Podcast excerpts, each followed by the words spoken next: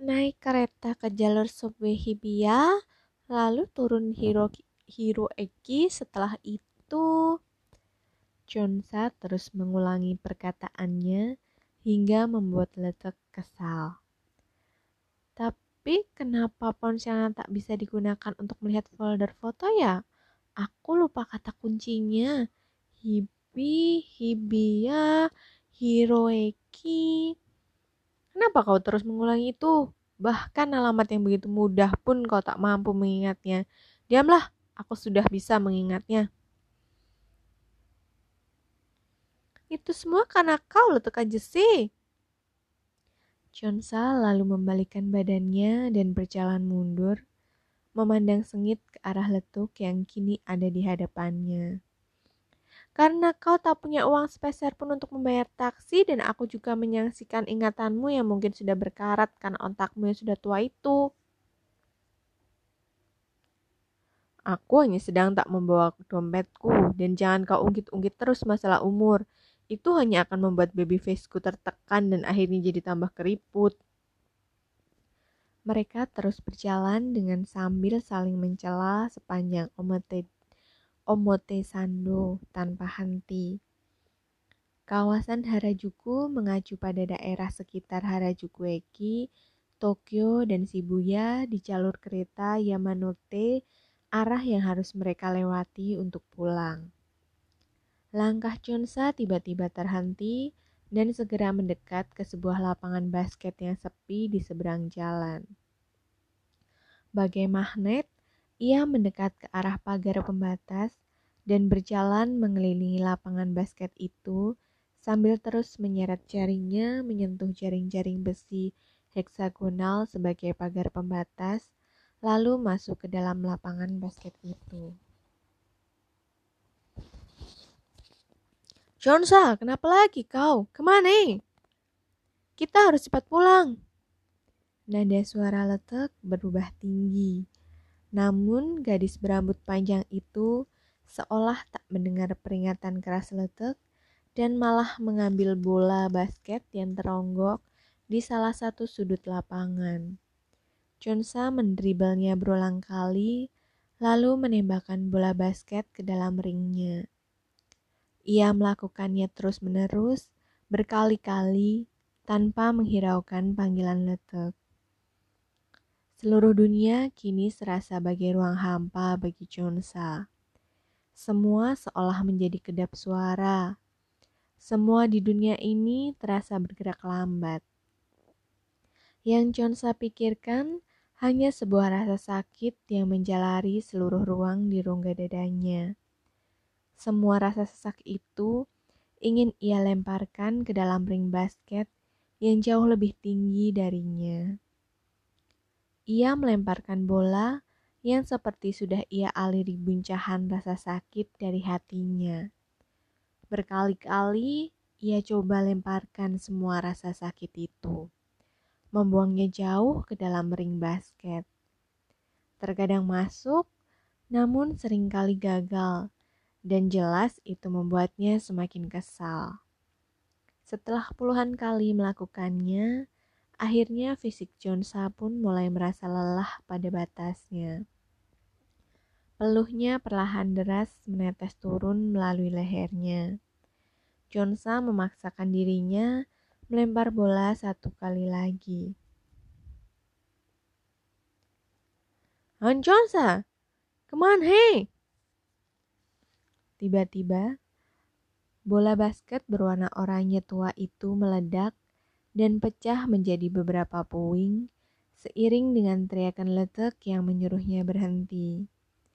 John sayang kaget hanya mampu terduduk karena sudah lemas. Rambutnya sudah basah oleh keringat.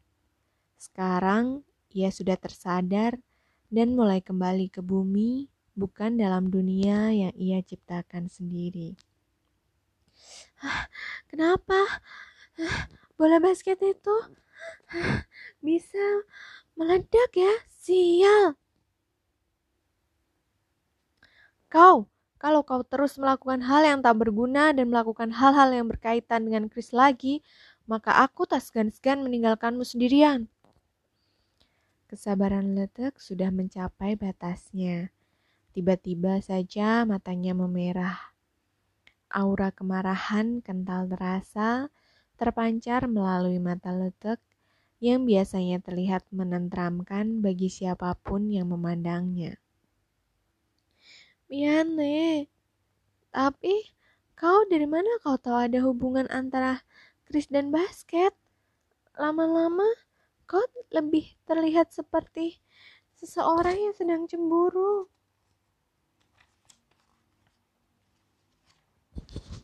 Daripada orang yang sedang mengkhawatirkanku, agar cepat sampai di rumah.